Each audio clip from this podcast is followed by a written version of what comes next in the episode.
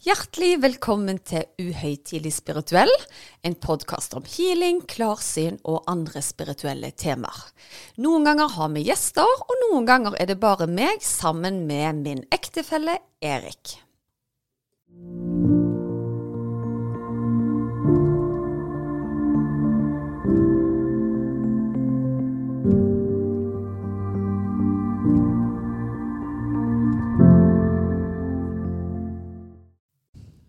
Ja, vel, Susanne, da var påsken over, og vi sitter her eh, klar med podkast igjen. Det gjør vi, og vi hadde det jo veldig fint i påsken, på tross av at vi var litt sånn ramma av virus. Ja, så var det sånn sykdomsstafett. Men ingen fikk det samtidig, men selvfølgelig Jeg fikk det ikke.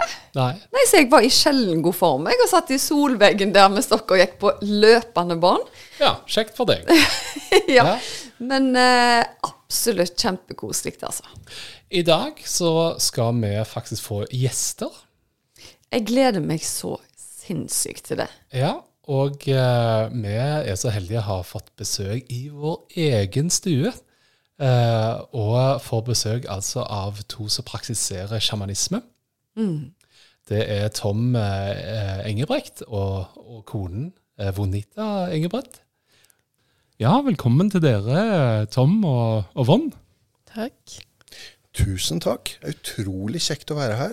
Veldig kjekt å ha dere her òg, og dette er jo et historisk sted. Nå sitter vi faktisk på kjøkkenbenken vår, og det var jo der den første podkastepisoden ble spilt inn. Ja, Det føles som det er 100 år siden, men det er, er det to år siden nå? Ja, det er vel noe sånn, ja. Å, herlighet, tiden flyr i godt lag, Erik. Ja. Men jeg tenkte, før vi går i gang, så kanskje vi skulle tatt en runde og presentert eh, Skal du begynne, Tom? Hvem er du? Hvem er Tom? Mm. Jeg liker å se på meg sjøl som et prosjekt som jeg kaller Tom. Eh, og vil ikke ha egentlig så, så mange merkelapper, da. Eh, eh, men eh, det folk gjerne er interessert i, er kanskje eh, man kommer fra forskjellig. Jeg kommer fra, fra Halden. Jeg har eh, fire barn. Eh, sånn yrkesmessig så har jeg egentlig jobba med eh, masse rart. Eh, bygningsingeniør. Jeg har faktisk bodd i Stavanger et år. Jobba som yrkesdykker. Ja, det er ikke noe tull. Nei, Jo da. Så når vi kom tilbake her i Stavanger, så var det helt fantastisk. så gøy. Ehm, og, og så har jeg jobba i psykiatri og rus nå i ja, 17 år. Ehm, det er utrolig kjekt. Masse kjekke mennesker man treffer der. Og så er det den spirituelle veien som sikkert er kanskje interessant. Eh, veien min begynte vel egentlig da jeg var 15 år. Og da, da hadde jeg en, en kamerat som døde på, på motorsykkelulykke. Eh, og da ble jeg veldig på søken. Eh, og oppsøkte også kristne miljøer og sånn. sånn, Hvorfor har han dødd? og jeg fant jo ikke noe svar. Det var bare at, eh, at eh, Gud har en mening. Så tenkte jeg med alle den vakre solnedgangen og alt som er så vakkert og genialt oppbygd på, på planeten Så når noen dør, så er det Gud har en mening. Eh, så jeg fortsatte å lete etter svar, og da fant jeg det faktisk i buddhismen og reinkarnasjon. Ja. Da ramla mye på plass. Og da åpna det også for interesse for jeg vil si, spiritualitet sånn generelt. Men nå snakker vi jo midt, og, midt i 80-tallet her, da. Og da var det ikke så veldig mye å hente av bøker eller noe som helst. så jeg husker liksom at jeg var det i bokhandel for å finne noen bøker om, om alternativt. Og da Hvor bredt var utvalget? 10 centimeter eller noe sånt med bøker? Det var jo ingenting. Um, og så kom jeg over Z-materiale. En som heter Jane Roberts, som, eh, som kanaliserer Z. Og der fant jeg også nye svar. Og så, ja, og så etter hvert så, så begynte jeg med noe sånn kanaliseringskurs. Jeg dro på reiki-kurs. Og så var det noe som mangla. Det var et eller annet som mangla. Og så var det i 2004 eller noe sånt som jeg havna på et sted der det var trommereiser.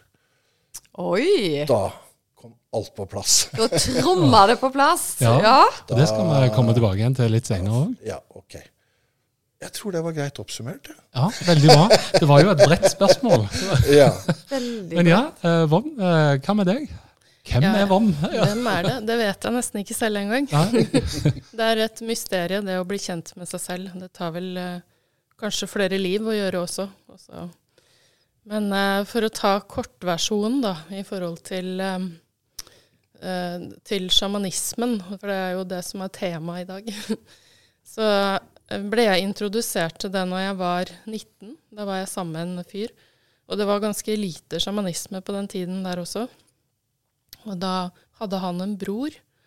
Og da husker jeg det at han ville veldig gjerne vise oss dette med sjamanisme og med trommereiser, da.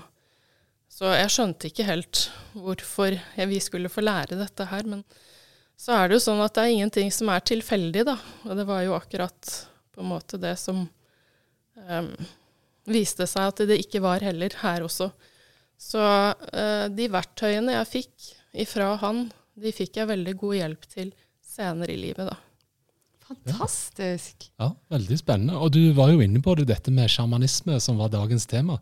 Kan dere kort oppsummert i få ord, hva er egentlig sjamanisme? Sjamanisme eh, Jeg skal ikke si hva det ikke er, for det er ganske mange ting som ikke er sjamanisme.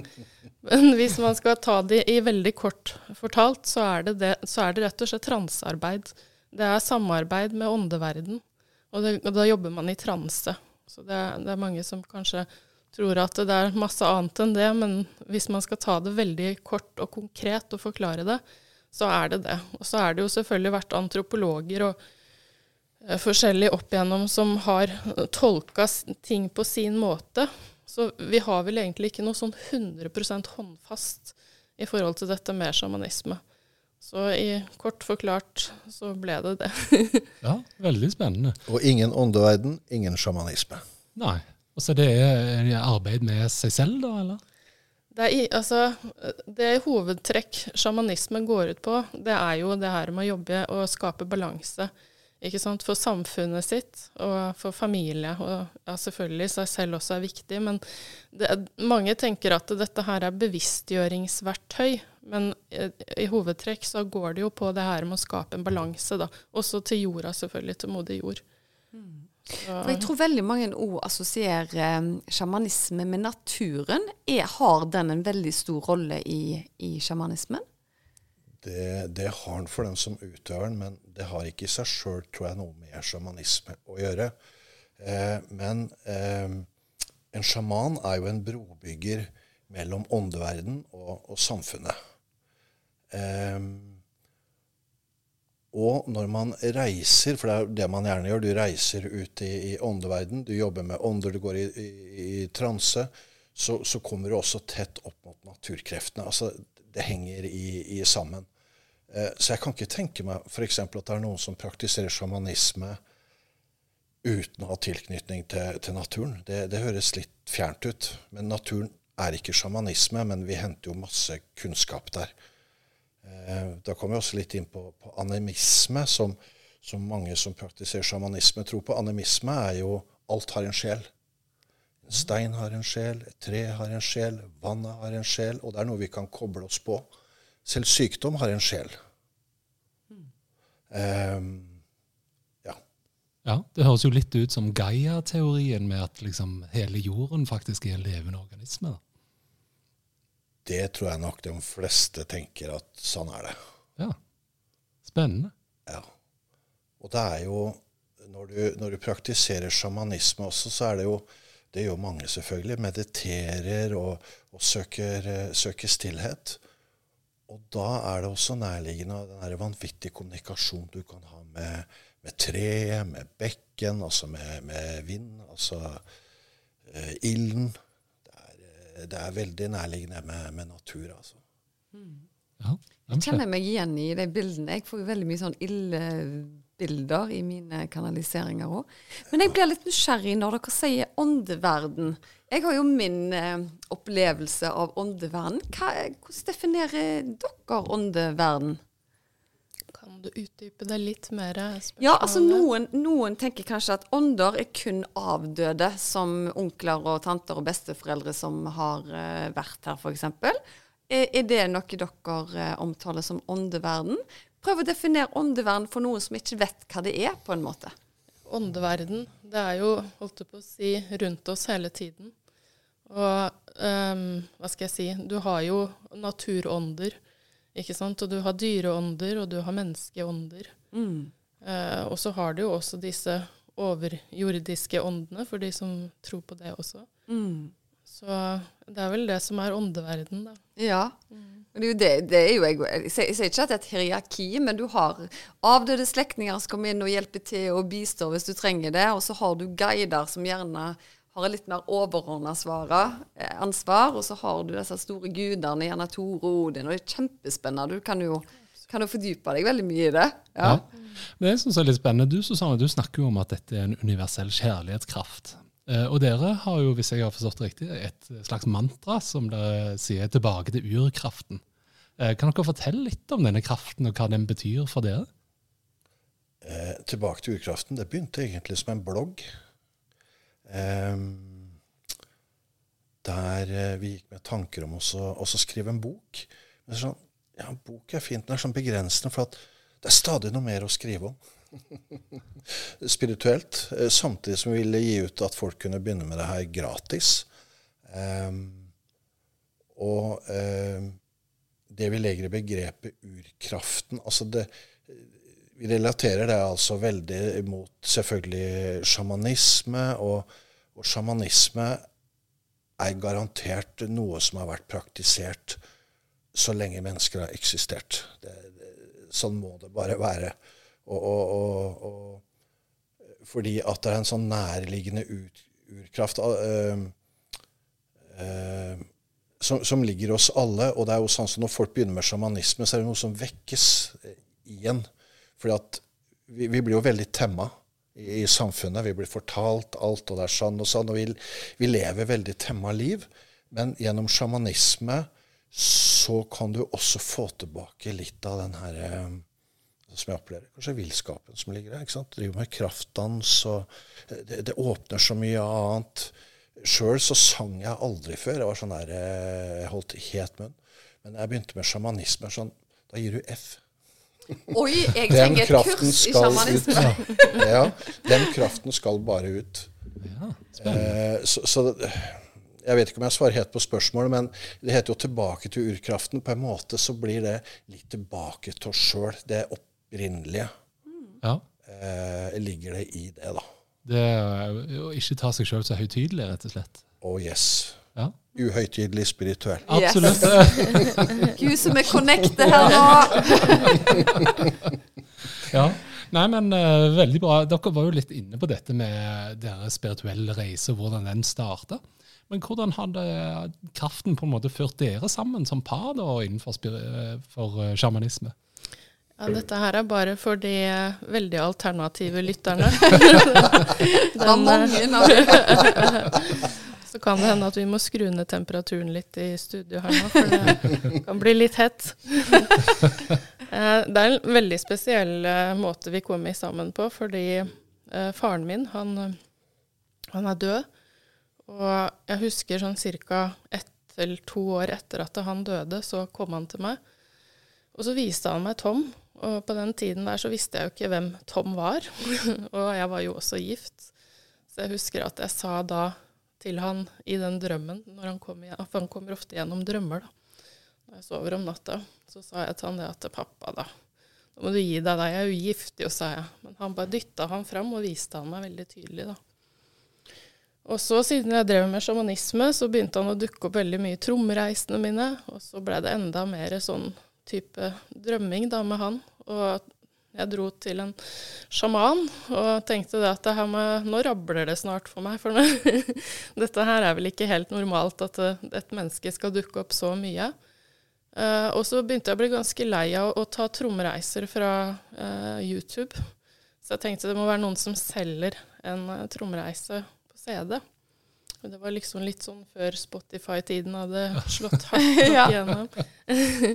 Så da eh, gikk jeg og sjekka da, på internett om det var noen som solgte noe, noe trommereise-CD. Og det var det jo. Det var jo Tom. Og ja, via der så fikk vi jo kontakt først gjennom mail, og så ble det jo gjennom Facebook. For, og der begynte vi å kommunisere en del. Og jeg skjønte jo ikke at det var han til å begynne med. For jeg var jo ikke inne og sjekka bilder og sånn. Eh, og jeg syns jo ikke han ligna sånn supermye på som det er bilde av på forsiden av CD-en. Det er ikke så lett å se at det er den mannen. Men så begynte vi å skrive med hverandre, og så eh, begynte jeg etter hvert å gå inn og sjekke, da. Hvem er denne mannen her, sånn. Og så så jeg jo det at det er jo han.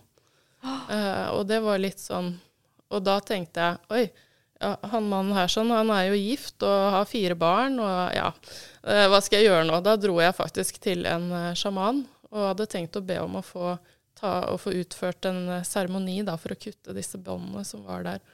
For jeg tenkte at dette er kanskje noe fra tidligere liv, eller noe som henger i, for det var Mm. veldig sånn tydelig da. Det ble vist veldig mye bilder i forhold til eh, fremtiden og det vi skulle skape sammen. Når jeg kom til denne sjamanen, da, så eh, sa han det at eh, han var superklarsynt. Han sa det at nei, vet du hva, nå, nå skal du gå og fortelle ting sånn som det er. Nå skal du stå i sannheten din, og så skal du fortelle dette her. Uh, og det gjorde jeg. Um, så da følte jo du det samme. du syntes også det var litt snodig når jeg kom og fortalte deg det jeg følte. Jeg turte jo ikke å fortelle han at jeg hadde drømt om han. og I årevis. Eh, ja, det var ikke så lenge. Det var vel på, pågikk i ca. kanskje nesten et år, da. Eller i underkant av et år, da. Men, eh, Men Var det på en måte da kraften som bandt dere sammen, eller var det du, Tom, som danset en slags love dance? eh? du drev jo ikke trollbundet meg. En love dance. Nei, altså Den gangen også så var jo jeg sånn i, i slutten av ekteskapet der. altså Det er rart med det. Du er sammen med et menneske lenge, og så går man hver sin vei. Eh, og jeg ble jo veldig trukket av sjamanistiske veien, eller kraften der, da. Så når vond kom inn i bildet, så Det ble rett og slett bare en sånn her vanvittig bit som, som, som kom på plass. Altså, visse energier kan du ikke beskrive. Du må på en måte bare føle det. Eh, som nesten en sånn floskel hvis du prøver å, å forklare det. Eh, men det er nesten som å bli overkjørt av et tog, tror jeg. altså. ja, ja, når du føler sånn vanvittig connection at, eh, at, at du føler at ord egentlig kan ikke beskrive det. Det er, det er utrolig, utrolig sterkt. Og jeg skulle ønske at alle fikk oppleve det. Ja. Det er jo litt sånn som den der tvillingflammen, da. At du føler deg plutselig heil på en eh, måte. Det er helt At sant. der eh, lander du. Det er ingen motstand. Det er bare Ja. Eh, fin flyt. Ja. Vi hadde jo ikke en like pangstart som dere, men vi hadde en veldig fin flyt når vi bestemte oss for å være et eh, par, da. ja. Så jeg, jeg tror absolutt på, på det. Men mye av vår historie har jo litt likheter med din, Vond, i forbindelse med at uh, det er gjerne dødsfall som utløser en slags selvransakelse, da. Uh, som åpner opp for å tenke litt annerledes. Mm. Og vi har fortalt om det på podkasten før, men veldig kjapt oppsummert så mista Erik broren sin. Han ble bare 30 år og døde av hjertestans. Og så møter jeg Erik på byen, og da ser jeg at noe har skjedd. Så jeg tar tak i han og ser at guri, hva forferdelig det er det du står oppi? Og så forteller han dette.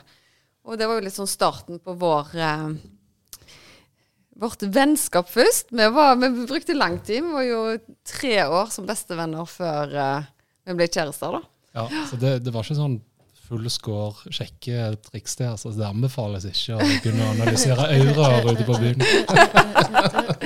Men vi var bestevenner på dag én, da. Det var vi. Ja, det var vi. Men uh, dere hadde jo opplevelser på hver deres kant innenfor uh, sjamanisme og litt sånne ting. Men er det forskjellige retninger innenfor sjamanisme, eller er det liksom en one size fits all? Der er det mange retninger, men det veldig mange er enige om, som har forska på det, er at sjamanismens vugge er Sibir. Ja. Eh, og der skjedde det mye for 40 000 år siden. Men det har sikkert skjedd veldig mye andre steder og, og sånn òg. Men, eh, men det ble en folkevandring eh, fra Sibir eh, for 40 000 år siden. Det var vel kanskje pga. kulda sånn som, som kom. Der man gikk i, i hver sin retning. Noen gikk over Beringstredet, kom til Nord-Amerika. Noen dro mot Tibet og rundt omkring. Og Derfor kan man også se metoder innen sjamanisme som er ganske likt over hele verden, uten at noen har kommunisert med hverandre. Og det er ganske kult. Blant annet sjelehenting er en, en, en sånn metode. Så vi ser masse likhetstrekk rundt omkring som de forskjellige utøver. Og da tenker man at ok, det starta i Sibir, og så har man gått videre derfra. Og så har man også gjort om metodene over tid. Det er klart at eh, en, en stamme for en annen kultur, når han flytter på seg, han vil gjøre ting på en litt annen måte. Men veldig mye av prinsippene eh, ligger der. Ja. Du har i, I Afrika har du også sjamanisme. Altså, ja, jeg, jeg, tror du finner over hele verden. Du har jo også jungelsjamaner altså som, som, er i, i Amazonas, som kanskje jobber mye med ayahuasca og sånn. Eh, så, så, du har jo forskjellige avarter av, av sjamanisme. Og i norgeshistorien så kan du gå tilbake til Volven i vikingtida. Kalte spåkona eller et eller annet, jeg husker ikke. Men, men, men vi hadde Volven da, som, eh, som, dro rundt fra gård til gård. og, og da skulle kunne si om framtida og, og, og, gi masse tips og sånn.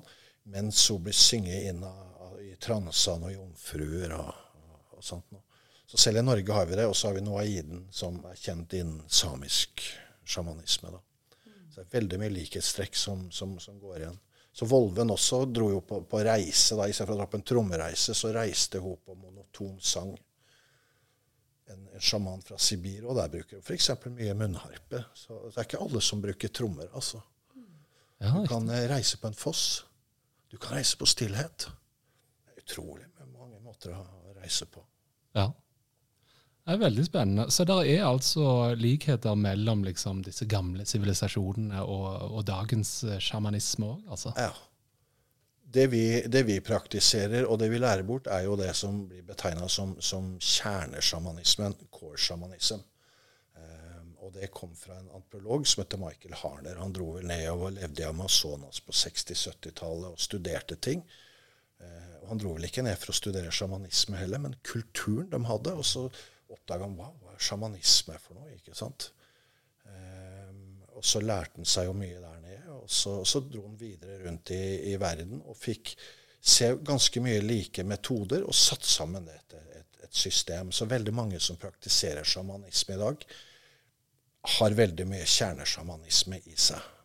Det har, det har, de som kaller seg også samiske sjamaner, har det. Fordi at det er så mye som er utdødd pga. kristendommen. Ja, riktig. Spennende. Ja. Um, jeg, må jo si at eh, jeg er veldig glad i historie, som jeg gjerne har fortalt litt eh, om på podden før. Men, og i historien så kommer du gjerne ikke unna dette her med solverv og sånne ting. Og jeg har forstått at det står gjerne litt sentralt i sjamanisme òg. Kan dere fortelle litt om uh, hvorfor akkurat solverv er, er så interessant? Solverv er som, som er sjamanisme, som er alt spirituelt, så jobber man med, med energier. Og, og, solverv det står også inne for energiskifter.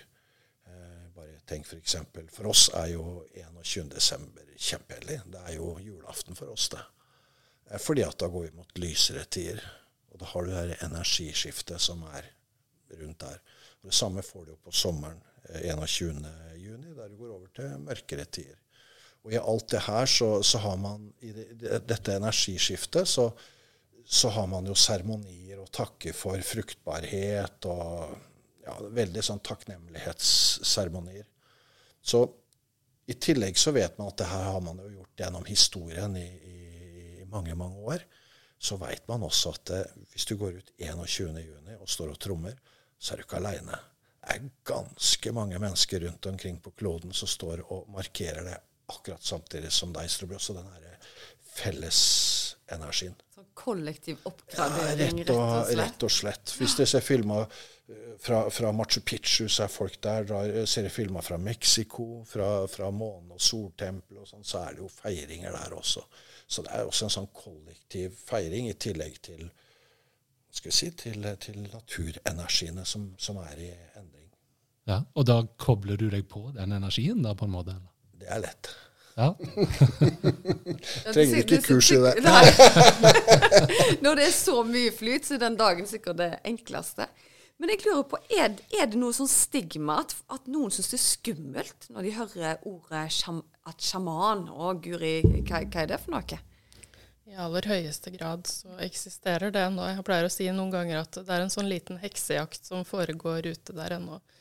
Så det, og det her, eh, når man ikke har kunnskap om noe, så er det så lett å skape seg bilder om hva det er, eller hva det egentlig ikke er. da. Og det fører jo til en del frykt i mennesker når man ikke vet hva det er for noe, når man ikke har kjennskap til det. Altså, eh, kristendommen har jo ikke vært så veldig nådeløs når det gjelder eh, å, altså, å fordømme, rett og slett, altså det her med sjamanisme. Jeg har jo religiøse venner jeg, som blir livredde hvis jeg ser at hvis de blir syke, Så jeg 'Å, jeg skal sende deg healing', og så bare begynner de å snakke om noe annet med en gang. Altså, det er sånn du ser bare de tegner korset foran seg. Og, og da prøver jeg å forklare ja, men det er jo den universelle kjærlighetskraften. Vi har mulighet til å hjelpe og bistå noen fordi vi ønsker andre vel. Hvordan kan dette her være forkledd i hva jeg si, i Satans uh, for, forkledning? Ja. Og da pleier jeg å si det at uh, dere er så opptatt av at eh, Ja, nei, men det er Guds barn, da, som, eh, som skal få lov å helbrede, eller Jesus følgere. Men så tenker jeg, ja, men alle er vel egentlig Guds barn, er vi ikke det, da? Så hvem skal på en måte peke på hvem som kan hjelpe, tenker jeg. Ja. Ja, altså man kan jo bruke altså Folk som får ned Jesus-energier i tromreiser, ikke sant, eller mm. Jesus mm. for den del også, så fordi om man praktiserer sjamanisme, så trenger man ikke å ikke være religiøs i tillegg. Det kan fint gå i sammen, mm. begge deler. Helt, frykt, er jo, frykt, er jo, fravær av, av kunnskap, rett og slett. Ja. Vi ser jo Keros, dem som, som vi har samarbeida mye med, som, som bor i, i, Peru, oppe i Andesfjellene. Altså, De er jo katolikker eh, og kan gå i en katolsk kirke og storkose seg. Eh, samtidig som de jobber med de gamle energiene i forbindelse med Modior og, og Apus, som er veldig sterkt for dem, da, dvs. Si fjellånder, fjellenergier. Så, så, det er mange. Og så Curanderos, som vi, vi har vært på seremoni med i Mexico, der de står på tre med 3000 meters høyde og, og, leser masse bønner eh, fra, fra Bibel, og, og, og, samtidig ærer modig jord. og, Veldig rart at ikke det skal gå an å kombinere det. Men, men, i Norge så har vi vel historie da, med at Bare tenk på samene som ikke fikk joike engang. Altså, ja. Det her er vanvittig kultur. ja. For at da, da sto i ledtog med, med, med, med, Satan og samme runebomma, altså tromma, at ikke de fikk, fikk bruke det. da. Mm. Jeg hørte historie jeg, si, jeg hørte historie oppe i, i Nord-Norge. da, og da, da var det noen som fortalte meg, noen nordlendinger, at det var ikke så lenge siden så, så var det så var det noen som hadde kommet i et hus for at faren hadde dødd, så de skulle rydde opp. og så plutselig så hadde hele gjengen kommet skrikende ut. fordi at eh, da hadde de funnet en sånn runebomme nede i kjelleren. De visste jo ikke at faren drev med sånn noaide. så det var kjempeskummelt, det, da? ja, de ja. hadde flydd ut skrikende av huset. Så ja. ja. Men, men, faktisk nå så opplever jeg jo at eh, en del fra kristne samfunn òg er mer åpne nå. Og det er faktisk flere nå som, som, er med på kurs, og som sier det at eh, eh, det er først nå de tør, da. Men det er jo gjerne gjennom en prosess i podkasten òg å vite det at eh, dette er jo for alle. Det er, ja. ikke, det er ikke for enkeltindivider som har mer rett til å utføre det enn andre i forhold til religion, da. Jeg tror kanskje det kommer til sjamanisme at det, det noen kristne vil, vil, slite med, er at, eh, at du på en måte Du jobber jo med Du kan jobbe med kraftdyr, selvfølgelig, men også avdøde. Mm. Eh, og jeg husker Snåsamannen sa det at eh, hold dere unna dem som er døde, liksom. Sa han det? Ja. Oi, dem da... skulle få lov til å være i fred. Ja. Eh, og jeg tenker at det er nok kanskje mange kristne som tenker at de døde skal være Ikke forstyrr dem, liksom. Mens vi som jobber med sjamanisme, tenker det veldig annerledes. Selvfølgelig. Og de gir jo beskjed hvis de vil ha fred. Altså, ja, jeg, har fått, ja. jeg, har fått, beskjed om det òg, jeg. Du, nå skal jeg hvile meg. Ta kontakt om et halvt år. Ja. Helt i orden, sa, sa, jeg da. Så ja. Ja. ja. men Nå snakker vi jo litt om sånn samfunnsutvikling, og jeg merker jo òg på min jobb at det er litt mer akseptert ved kaffemaskinen å snakke om spirituelle ting. Uh, og du Susanne, har jo sagt av og til så får du opp noen bilder i hodet. Så Si som for 2000 år siden så fikk du opp gjerne en pergamentsrull. Uh, mens nå får du opp bilder av en iPhone. For det er liksom tidens tann da, som har påvirka hvilke signaler du får opp. Men har det vært tilsvarende innenfor sjamanisme? Er det en slags utvikling i liksom eh, læren, da? Det som i hvert fall er viktig å se, er jo at, eh, at mongolske sjamaner selv er på Facebook. så, så, så langt har vi kommet. Ja, men, men det, er jo, altså, det er jo en utvikling, det. Ja. Ja. Men metodene er nok de samme som de har vært hele Det er ikke denne utviklingen vi er. ha. Men samtidig så er det jo et altså Teknologien er jo en, et verktøy for å nå ut til et enda større publikum. Så jeg syns jo det, er den fantastiske biten med det, da. Ja. Ja, jeg- ser jo en stor forskjell på altså fra vi ble sammen før det. Altså, sånn jeg begynte å arrangere seremonier nede i Akershus eh, før jeg flytta opp til Bergen, så var det ganske få som hadde åpne arrangementer. Da var det veldig mye sånne små, lukka grupper. Og jeg syntes det var vanskelig sjøl å finne seremonier hvis man hadde lyst til å være med på det. da. Så da starta jeg opp det sjøl. Og sånn smått så, så jeg det begynte å vokse, spre seg litt grann, mer og mer. Så nå i dag så er det nok uh, mye lettere å komme i gang, holdt jeg på å si, eller oppsøke miljøer, da, i forhold til den hva det har vært før, da. Kjempefint. Og så er det sikkert mye lettere å finne likesinnede enn sånn som du sa, så når man går på biblioteket og fant ei sånn ei lita bok. Ja. Nå har du på en måte så mye kunnskap der ute og kan finne din nisje, om du vil, da. Ja. Så, mm. Samtidig som den viktigste kunnskapen du henter inn spiritualitet generelt sett, er jo fra dine åndehjelpere. Eh, Det er der den største læringen og veksten er. Og det er så spennende. Jeg har forstått det sånn at dere òg tilbyr gjerne healing. Og det er jo eh, Susanne òg sitt. eh, Det var der liksom det starta for deg. Men kanskje dere forteller litt om healing ut fra et sjamanistisk perspektiv. Hva er det som heales, og hvilke, hvilke plager, og hvordan hva metodikk eh, bruker vi for å bli kvitt disse plagene?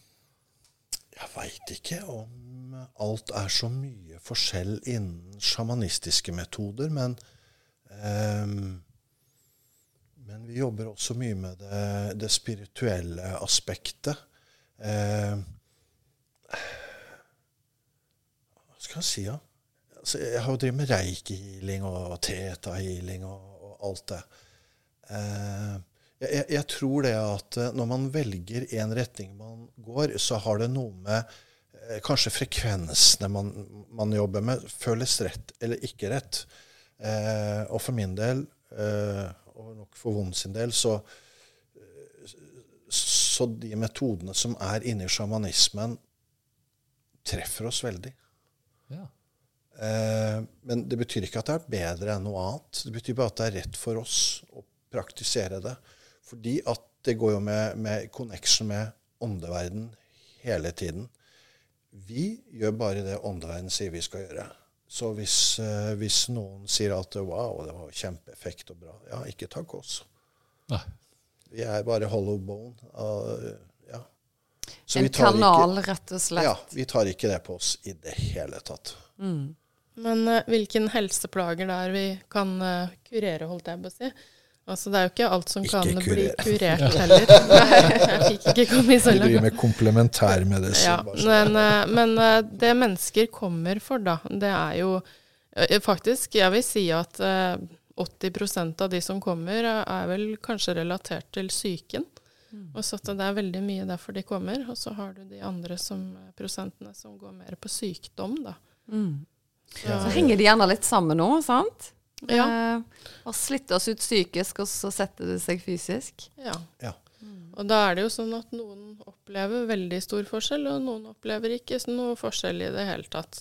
Så det, det er ikke noe garanti for noen ting når man kommer til en sånn type behandling. Vi kan kanskje si litt åssen vi jobber òg. For før så gjorde vi sånn at uh, folk kunne bestille f.eks. en sjelehenting, så fikk de en sjelehenting. Kanskje bestilte de noe annet.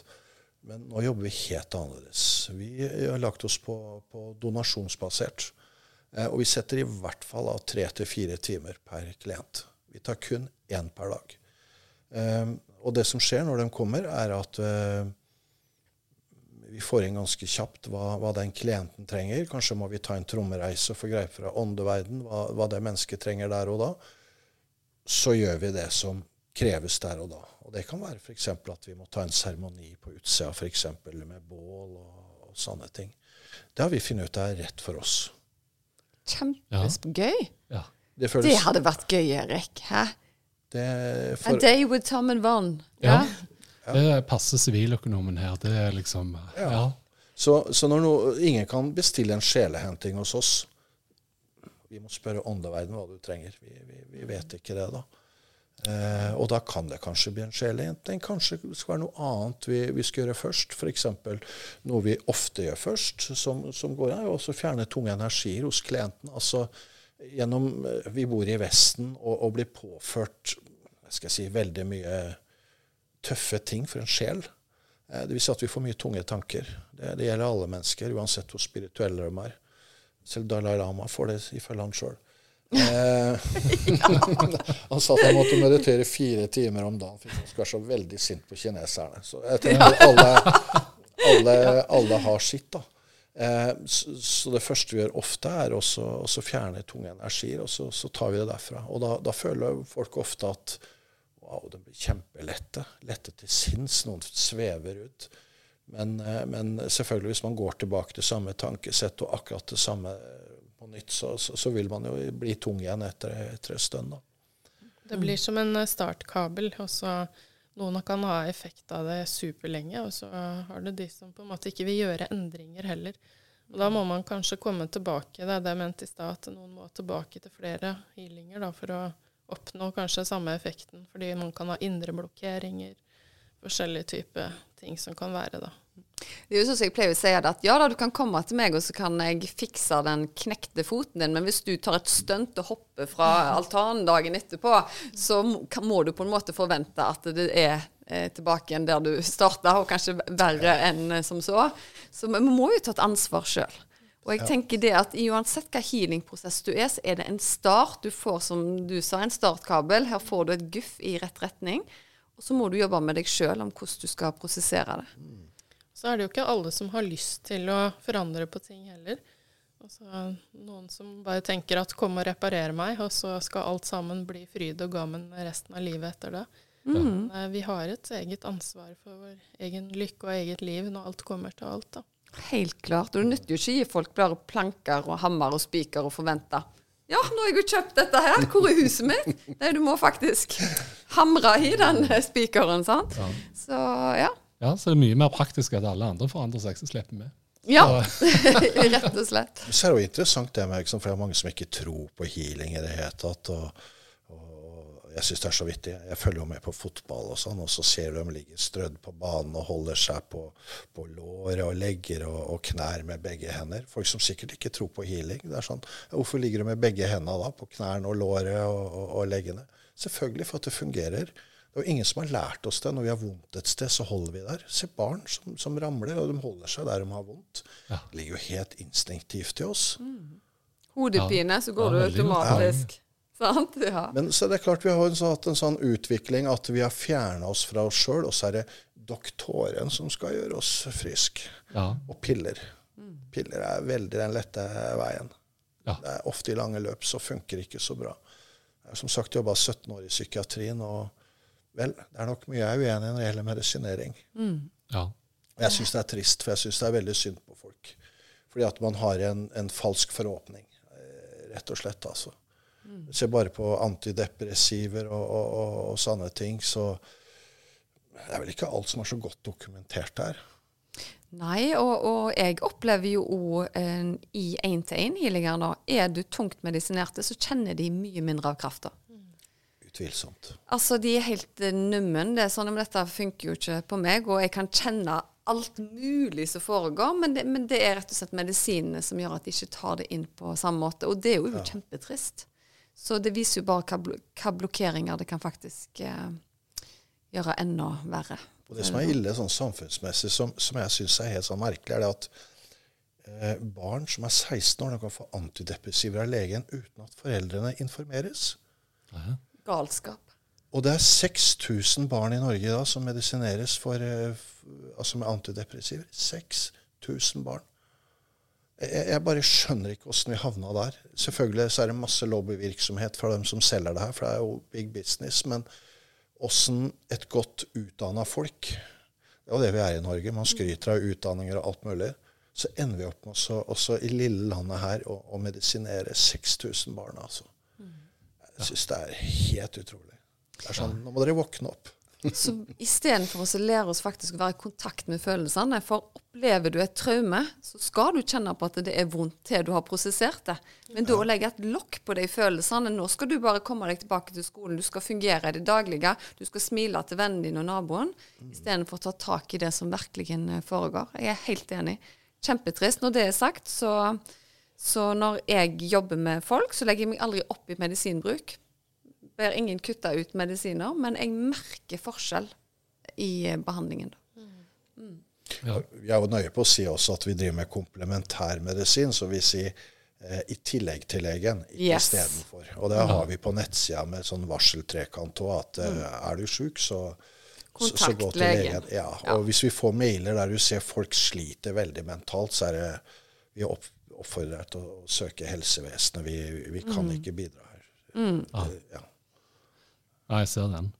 Eh, men så kommer vi jo til én ting da, som er et veldig viktig instrument, som vi har snakket litt om eh, tidligere i dag, og det er jo trommen. Mm. Eh, og dette med trommereise. Og for meg, når jeg tenker sjamanisme, så er det jo trommen som står sentralt. da. Kan dere ikke fortelle litt om hva er en trommereise, og hva, hva betydning har trommen? En trommereise det er jo en, eh, en reise du tar til den ikke-ordinære verden. da. Uh, og da har vi innen sjamanismen så har vi tre verdener, og det er oververden og mellomverden og underverden. Og uh, mellomverden er den ikke-beskytta verdenen. Så den har vi ikke med på f.eks. grunnkurset vårt, fordi at man må lære seg å bli kjent med det som er i over- og underverden først. Og så kan man jo da legge ut på det man kaller en tromreise, da. Og det man da gjør når man skal ta en tromreise, det er også vi, vi, bruker alltid på kurset vårt at man først reiser til underverden da, for å først bli kjent med den. Da. Og da skal man se for seg et sted ute i naturen som man fysisk kjenner til, enten om man er barn eller voksen. Et sted man føler en tilknytning til. Og så har man en intensjon på reisen. Det er veldig viktig å ha en intensjon. Vet av mange som har tatt tromreiser og bare ligget og svevd og bare følt at de har møtt masse forskjellig, men ikke kanskje kommet noe videre på mange måter, som det man kan gjøre med en ren intensjon. Da. Så jeg pleier å si at uh, begynn alltid med å koble deg på hjertet ditt før du legger ut på en reise, fordi at det er det, det du skal jobbe etter. Mm. Så da kan man jo be om forskjellige typer ting, da, få møte kraftdyret ditt, og mange ting du kan møte da, når du da kommer ned til underverden. Da. Så når du er ute i dette stedet i naturen, så skal du da se etter en form for høl i bakken eller en sprekk i et tre eller noe, så skal du se for deg at du går inn eller ned, og så ned til underverden, og så møter du det du møter der. Da, og da kan du stille spørsmål. Så utrolig fascinerende. Jeg må bare nevne her at, at det er ikke guida eh, trommereiser. Man får info på forhånd hvor du skal reise, og så drar man der med tromma. Ja, det er ikke noe sånn at nå ser du en ørn, og så ser du en elg, og så ser du en bjørn. Det er ikke sånn. Du reiser helt aleine ut på, på tur. Og når vi snakker liksom underverden, det er ikke liksom helvete vi snakker om, eller det er liksom ja. Nei, det er ikke det. Det er ikke relatert til noe helvete i det hele tatt. Selv om mennesker kan sikkert se det på forskjellige typer ting. Og noen er jo også redd for å bli, bli holdt fast. Liksom, hva om åndene holder meg fast i, nei, i underverden? Og da sier jo det at nei, altså det går ikke. Da er det underbevisstheten din sjøl som holder deg igjen. Fordi at uh, dette er hjelpere som du møter der i over- og underverden. Jeg har jo møtt mitt kraftdyr én gang. og det, Da fikk jeg en hvit ørn, og det var veldig sterkt.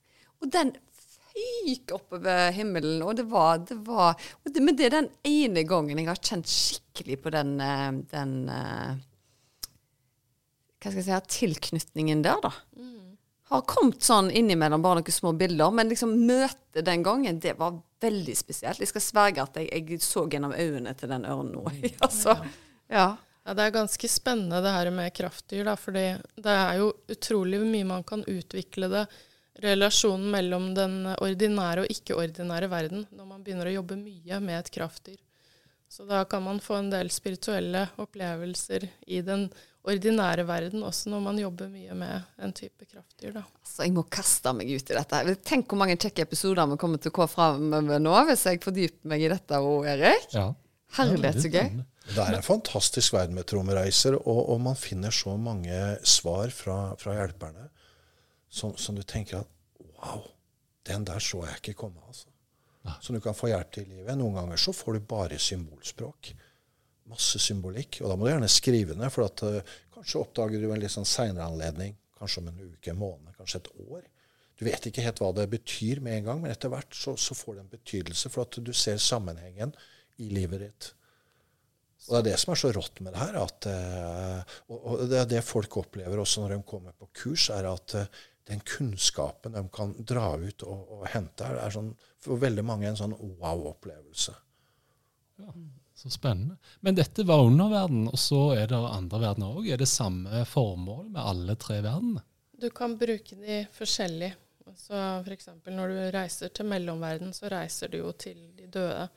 Ja. Eh, og der er det jo også en verden i mellomverden òg, så det er mange. det er et eh, ganske stort eh, kart, holdt jeg på å si, som man skal bli kjent med. Og det tar litt tid å jobbe opp og bli kjent. og det første fokuset du skal ha, er jo selvfølgelig å få en åndehjelper. ikke sant? En som støtter deg. En ikke-støttende Nei, en støttende ånd, sånn at du får ikke-støttende ånder. Det er ikke bra. Nei. Så du må sørge for at når man legger ut på en reise, at man ber om en eh, støttende ånd da, som er der og beskytter deg til det videre arbeidet. Så hvis man f.eks. skal hjelpe mennesker til å reise videre over Også Vi har jo disse her som mellomverdenåndene som blir stående fast. Og da, er det jo, da kan man jo få de rette sjamanistiske verktøyene til å hjelpe de videre, da. Men uh, vi var litt inne på det her med bevisstgjøring i stad. Og uh, i core-sjamanismen så kan man jo jobbe mye med bevisstgjøring igjennom å ha de rette intensjonene da, i forhold til, eh, til eh, det man ønsker å utvikle seg innom. Det, man trenger healing eller altså, hva som helst man lurer på i forhold til eget liv. Da. Vi sier det at man skal ikke reise på vegne av andre, så sant man ikke har en klient. da. For det, uh, hvis ikke så vil vi si at man invaderer andre mennesker hvis ikke de har bedt om det. Så hovedfokuset skal alltid være å følge hjertet og, og fokusere på egen personlig vekst. Da. Jeg må bare si det at eh, du sier kårsjamanisme, så kjernesjamanisme, men det er akkurat det samme. Ja, det hørtes Ja, ut som det samme. ja, det det gjorde det. Men jeg opplever jo at jeg har ulike hjelpere fra den eh, mellomverden. At eh, først så var det morfaren min som var veldig til stede, og så ble han litt fasa ut, og så kom faren min. Og så hadde jeg en opplevelse eh, Min far døde i 2010. 2000, hva jeg var 2010, må tenke meg litt om. Eh, og det var jo en kjempesorg. Og så fikk jeg en ny sorg ti år etterpå, for da tok han farvel med meg. Og jeg lå og grein på sofaen der og sånne ting. Og så sa han nå er det farmor som skal på en måte veilede deg videre. Men den følelsen der, det var, det var som om den dagen jeg mista han. Ja. Eh, på, på nytt. Det var, det var helt rart. Jeg var hjemme alene og liksom flippa kanaler, og så fikk jeg det skikkelig over meg. altså. Har dere hørt det før? Nei, jeg har ikke hørt det. Men jeg, jeg tenker at det vi kanskje hadde gjort i et sånt tilfelle, er å tatt en seremoni. Ikke sant? På en måte en ny begravelse, da. Ja.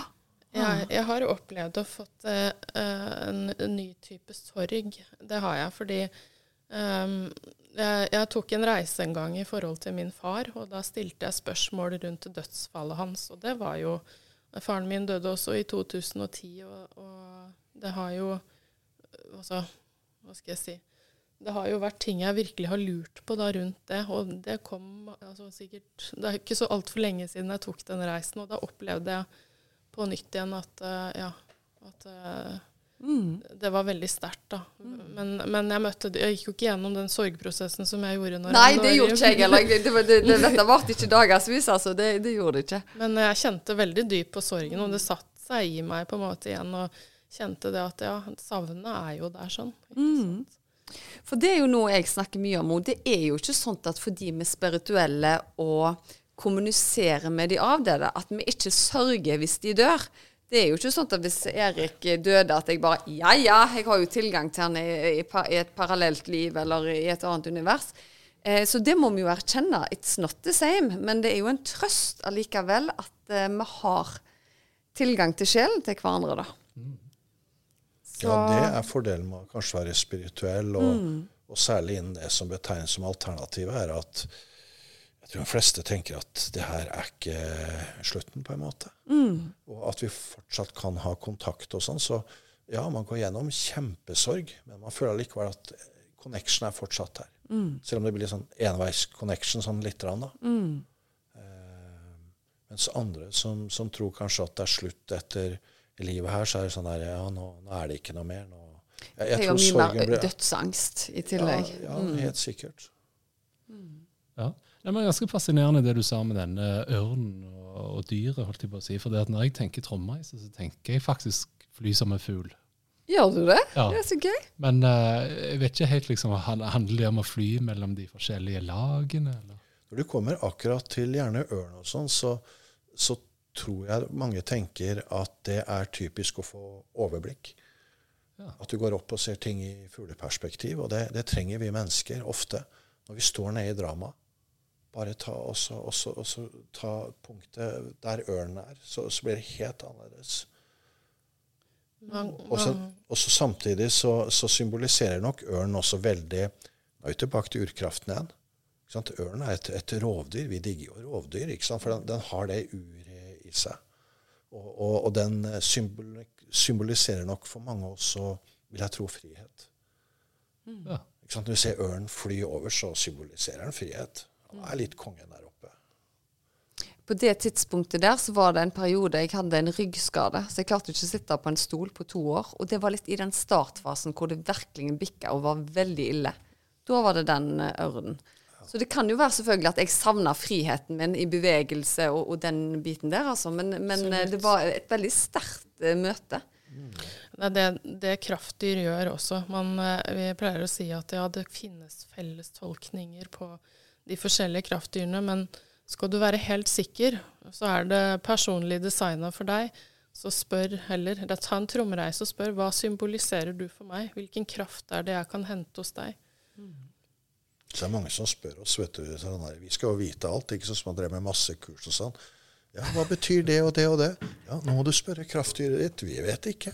Nei. Og vet ikke, men det syns jeg er så herlig at dere sier, for det er jo akkurat det jeg har sagt fra episode én i podkasten nå, at jeg, jeg har ikke patent på å vite. Jeg snakker om mine egne opplevelser og erfaringer, hva folk forteller meg, hva jeg formidler. Så this is it, altså. Ja.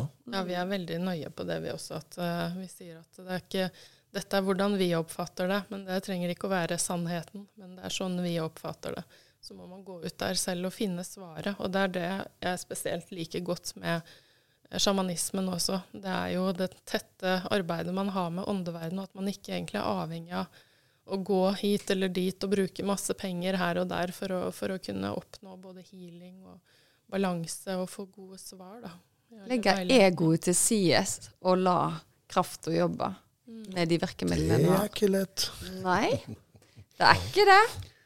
Men jeg synes jo det er jo litt sånn interessant å høre på dere her, for dere er tre stykker som egentlig har veldig sterke spirituelle opplevelser, og det er ganske hverdagslig. Og mye av det dere sier for meg som da ikke er sånn veldig tungt inni i det spirituelle, høres jo det ganske stort ut. Men har dere en situasjon eller en spirituell opplevelse som du tenker tilbake igjen på liksom Å, dæven, den var heftig. Han spurte én. Ja. Jeg må gjerne Er det en som skiller seg ut? Jeg vet ikke. Altså, eh, spirituelle opplevelser, det kan, det kan være ekstatiske ting, og det kan også være eh, ting som er tungt der og da, men som viser seg å være bra. Man ser det i ettertid. Jeg bare tenker, eh, Hvis jeg begynner da, så, så husker jeg fikk en ekstatisk opplevelse. Det var, eh, jeg var på sjamanfestival på Isogaisa eh, i 2011.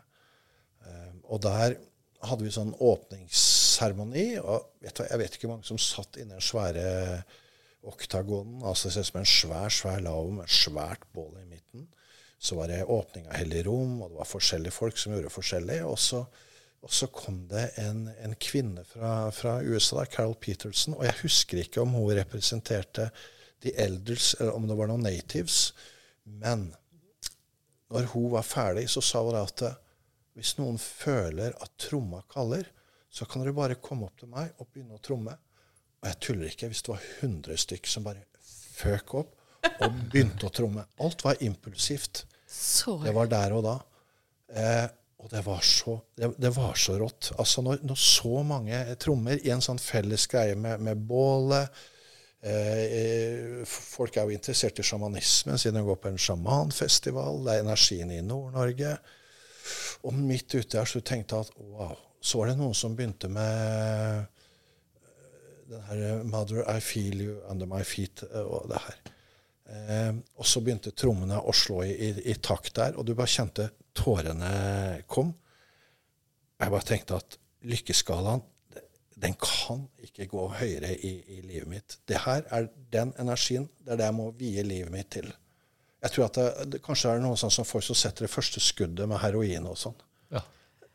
Eh, for det, det, det, nytter nesten ikke å beskrive den lykkefølelsen å komme hjem og stå sammen med så mange folk som er der av, av samme grunn som deg, av, av fellesskapet, alle energiene sammen. Eh, ja, det er, det er, helt unikt. Så, så det er jo én ekstatisk opplevelse. Og så, og så, så, arrangerte jeg tur til Peru i 2012. Vi var 20 stykk som dro ned. Og, og, da hadde vi lagt inn ayahuasca-seremoni her. Og det var nede ved, ved, Amazonas, og vi hadde en fantastisk sjaman. Ikke en sånn tullebukk som mange er for å tjene penger. Det var en som hadde holdt på i mange år, Panduro. Eh, som hadde den seremonien. Og det er jo en seremoni også samtidig. Det er, Eh, det her er ikke noe rusfest, for å si det sånn. Du jobber ekstremt på det personlige plan. Ayahuasca den, den, er jo også fra Peru. Det er jo en plante. Altså, det er jo, det jo henta fra utsida av bygget omtrent. Det er jo hjemmet til ayahuascaen på en måte. Um, og så husker jeg der at, at jeg fikk en så vanvittig frykt. Og Panduro, han sjamanen, sa at uh, hvis vi føler det, så kan du bare skifte kanal omtrent som på en fjernkontroll. Så tenkte jeg den frykten her, den skal jeg jammen sitte i. Og, og, den frykten den var så fæl at du fikk nesten ikke puste. Jeg la meg ned og prøvde å slå meg i ryggen. Jeg var så redd. Jeg vet ikke nesten hva jeg var, var, redd for. Det var lukter av svovel, og det var grønne individer, alt mulig.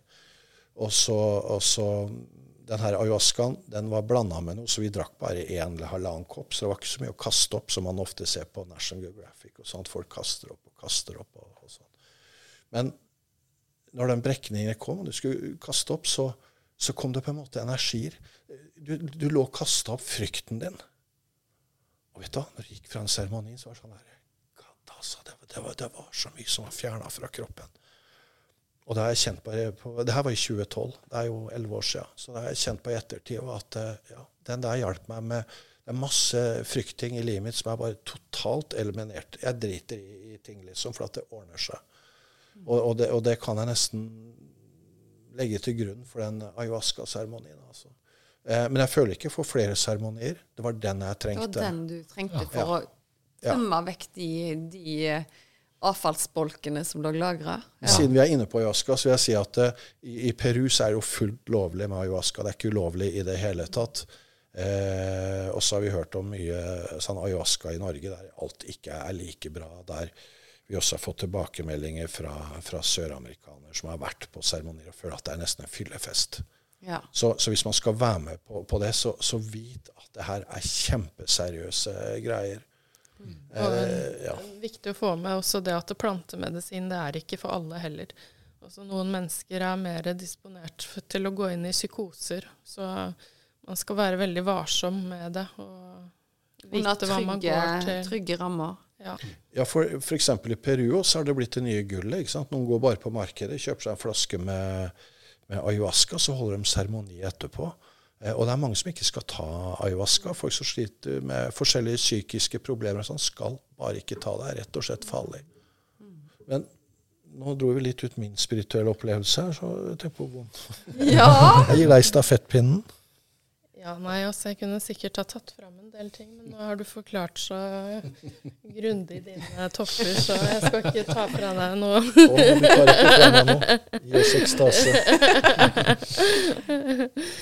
ja da. Nei, det er sikkert mye som jeg kunne ha delt, det også. Uh, I forhold til veldig mye forskjellig som har skjedd på veien. Alt fra jungel, som du snakker om, til uh, kundalini-reisninger, til um, eller én kundalini-reisning som var veldig sterk. Um, ja, til så mye med kraftdyrene, ikke minst. Eller åndehjelpere. Når vi, når vi jobber sjamanistisk òg, så, så, så, er det eh, mange seremonier kan være helt rå. Og det, det, går ikke på antall som er med. Vi kan, Vona og jeg er sammen. Vi har fantastiske eh, seremonier. Du kan ha en fantastisk seremoni aleine fordi at du er ikke aleine, fordi at du har med deg åndehjelperne dine. Når du praktiserer sjamanismen, så er du aldri aleine.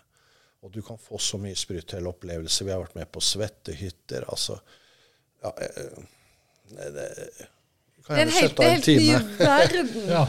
Men du, skulle ikke vi få lov å prøve å teste litt sånn trommeris år? Jo, eh, nå har vi jo fått kassetten her, så jeg eh, tenker Kassetten, det hørtes veldig sånn uh, ur-sjamanisme ut. Tilbake til urkraft. Men jeg tenkte kanskje vi skulle ta det helt til sist. Jeg likte kassett, altså. Ja. Det er gode gamle dager, det der. Gjennom arbeidet med spiritualitet og, og sjamanisme, hva tenker dere er liksom den viktigste lærdommen dere har gjort? da?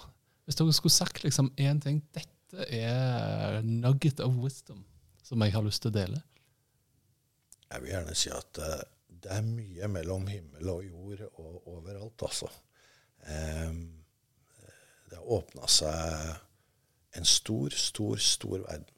En mye større verden enn det jeg var introdusert til som barn. Ja. Um, og det, det, det, som er fint når verden blir større, så, så blir den mindre skummel også.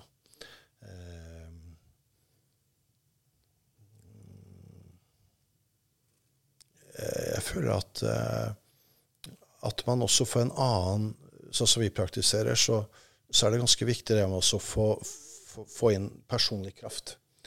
Uh, windhorse. Altså uh, vi, vi, Folk som er på kurs og som tar videreutdanning og som skal begynne å praktisere sjøl, så, så, fokuserer vi på, på, kraften, hvor viktig det er at de bygger opp kraften, at de skal jobbe eh, sikkert så hvis man hører f.eks. at et kurs i sjelehenting eller hva det er, så, så lærer du ikke bare sjelehenting. Du lærer så mye ved siden av åssen du skal skydde deg. For du drar ut i åndeverden. Der er det viktig å skydde seg, ellers så blir du invadert. Det kan du fort bli, altså. Mm. Um, så jeg føler når du holder på med det her, så, så har vi fått Det er vanvittig jording i det. Og, og, det er den her kraften vi jobber med. altså den her, Du blir jo mer connecta til alt, på en måte. Og, men det kan du finne i mange spirituelle retninger, selvfølgelig. Men, men vi finner det her i, i sjamanismen. da. Jeg vet ikke om det engang var svar på spørsmålet. Det var bare jo, det, det kan jo være jeg gikk ut i skauen og Ja, jeg så du drømte deg vekk. jeg, tror, jeg, tror, hvis jeg skal uh, ta fram én ting, så vil jeg vel si at det er kraften og styrken som man henter i det samarbeidet som det man gjør med åndeverden. som... Som peker seg ut spesielt sterkt i forhold til det å praktisere sjamanisme. Og all den magien som skjer på veien. Men er det litt sånn at åndeverden har en kunnskap som vi ikke har? Er det derfor den blir så viktig? Det var et stort spørsmål, syns jeg. Ja. jo, for jeg tenker jo at som, som vanlige fysiske skapninger her som vi er inkarnert i nå, så, så er det jo masse begrensninger. Og, og, det mange beskriver når de dør, er jo at Å, nå skjønner jeg alt. Eh, det er vel ikke alt vi går rundt og tenker i det vanlige fysiske livet at nå skjønner jeg alt. Du gjør vel kanskje etter hvert når du har holdt på noen år, så får du din sannhet, da. Eh, for Det syns jeg var så morsomt når min far kom til meg etter han eh, døde. Og så sa han til meg Susanne, du har skjønt mye, men egentlig ingenting. Og da var det litt sånn Nå trodde jeg det skulle komme noe revolusjonerende, at du er faktisk en av de som har skjønt det. Men jeg hadde tydeligvis ikke peiling, jeg heller. Så det er, det er kjempegøy. For vi er jo begrensa i, i, sinnet vårt. altså Jeg vet ikke hvor mange prosent vi bruker av hjernen, men det er i hvert fall langt ifra full kapasitet som vi bruker. da. Eh, men, eh, men, eh, vi føler vel at vi får veldig mye svar fra, fra åndeverden. Men du skal alltid også være obs på at det kan være noe lurendreieri ute og går der. Mm. Så du kan ikke ta absolutt altfor god fisk. Eh, Sunn skepsis. Ja, egentlig. Men, men, veldig mange svar er bare sånn Yes, mm. you nail it. You nailed it. Uh, at, at, du føler det, liksom. Fordi at du føler det så vanvittig inn i hjertet at yes. Og det er litt sånn der Hvorfor kunne ikke jeg skjønne det sjøl? Hvorfor måtte jeg spørre meg i Verden? Her burde jeg jo skjønt sjøl.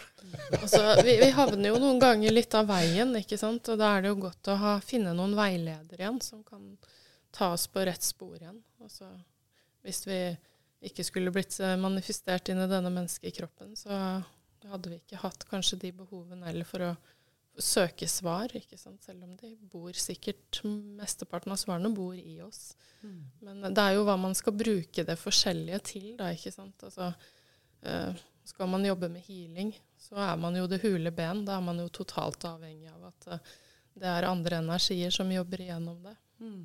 Eller så blir man fort tappa for krefter hvis man bruker personlig kraft i healingarbeid. Absolutt. Det, det, er bare én ting jeg må nevne. for Det er mange som spør oss kan du ha mange krafter, kan du ha mange hjelpere. Og svaret er ja, det kan du ha. Du kan gjerne ha, du snakker om en ørn som kom inn i en sånn periode i, i livet ditt. Og, og det er mange som opplever at det kommer kanskje et kraftdyr eller en annen åndehjelper som, som, hjelper deg over en viss kneik eller en viss periode. Det kan være f.eks. til din egen sykdom. Det kan være at du får, får hjelp fra en hjelper til healingarbeid for en periode. Så de kan komme og gå. Men det er enkelte som, som henger veldig i, som du, du, mest sannsynlig har i hele livet. Og så må du også ta vare på dem, ellers så forsvinner de. Altså at du, du må ha jevnlig connection. Mm. Kjenner meg veldig igjen i alt dere sier, faktisk. Og det er jo det jeg syns er så unikt og spennende, da, at her sitter vi egentlig og tror gjerne på forhånd at ting er fjernt, og så er det egentlig veldig nært. Mm. Eh, jeg kaller ikke mine ting en trommereise, fordi jeg bruker ikke ei tromme. Men det dere snakker om, kjenner jeg meg jo veldig igjen i. Så jeg syns det er veldig fint at dere deler dette. Ja. Bare sånn eh, helt til sist, hvor kan lytterne finne dere hvis de ønsker å lære mer om sjamanisme og, og, det dere driver med? Vi har jo veldig enkelt eh, domene til, til, websiden. er jo sjamanisme.no. Ja, veldig bra. Enkelt og greit. Ja. Ja. Eh, og så hvis man er litt lat, så kan man gå rett på kurset vårt og skrive sjamankurs.no. Så kommer du rett inn på, på, på kurssiden. Eh, så har vi faktisk villkvinne.no. Det er jo Bonita som, som driver med, med, workshops for kvinner, der kvinner henter mye kraft. Ja, har jeg hørt. Altså det, jeg har ikke vært der sjøl. Det, det bare Det er jo ikke sjamanistisk kurs, men vi har jo med trommereiser og sånn i Villkvinnen også. Men der jobber vi mye med Eh, transformasjon og, og bygge opp eh, litt Jeg holdt på å si, jeg kan ikke si kvinnesamfunn, men det er vel kanskje det det er også. Hvor vi på en måte støtter hverandre og er der og hjelper hverandre i vekst, spesielt i forhold til det her med eh, bevisstgjøring av seg sjøl. Mm. Gjennom øvelser og seremonier og forskjellig. Så spennende. Kan vi bare si litt om det med kurs? for det at Eh, det med sjamanisme er egentlig så nærliggende oss at vi trenger ikke å gå noe sted og lære det. Man kan lese seg til det og erfare. Erfaring er viktig. Erfare, erfare. Men det som, det som er fint på kurs, er det at eh, man treffes i, i, i fellesskap. Man jobber med energier. Man får også testa ut metoder på seg sjøl og på andre. Og man gjør det under trygge normer. Mm. Derfor kan det for mange være veldig smart å, å gå på kurs, for at det, det setter i gang noe. for at man er så full av spørsmål. Og, og, og, så er det et eller annet at eh, når du møter andre på kurs, og du jobber Og det vet alle som har vært på generelt sett spirituelle kurs. Den energien som bygger seg opp. Man kan jo ruse seg på den, ikke sant? Eh, men, men, men den her tryggheten og det å dele også andres erfaring. Så hvis du går på et kurs, så får du også ta del i andres erfaring. Og desto mer erfaring du får, desto bedre. Sjamanisme er, eh, er å erfare. Erfare, erfare, erfare. Praktisere. Mm. Du kan nesten legge bort bøkene. Fordi det er bare en sånn morsom greie at du lærer ja, det kommer sjamanisme derfra, sann og sann og sann og historien. Men, men, men rett og slett eh, det er viktig å erfare. Det er det det går på hele veien. Og da blir du også mer selvsikker. Mm. Ja, det er veldig bra. Jeg tenker ørnen er i ferd med å lande her. Eh, tusen takk for at dere var med oss i dag. Eh, Tom og, og Von. Og jeg takker for en veldig fin spirituell prat. Det har vært veldig lærerikt. Ja, det har vært helt fantastisk. Og nå gleder jeg meg bare til at lytterne skal få ta del i en trommereise. Ja, for vi er så heldige å ha fått lov til å, å, å, låne dere til en trommereise som våre lyttere skal få lov til å ta del i. Så den, eh, den tar vi etter vi takker for oss. Det gjør vi. Tusen takk igjen for at dere kom. Tusen takk, Tusen takk for at vi fikk komme. Også så deilig at den koronatida er over. Ja. At vi kan sitte i samme rom ah, sammen. Kjempegøy. Ja. Tusen takk for i dag, og tusen takk for at du hørte på. Og uh, nyt uh, trommereisen som kommer.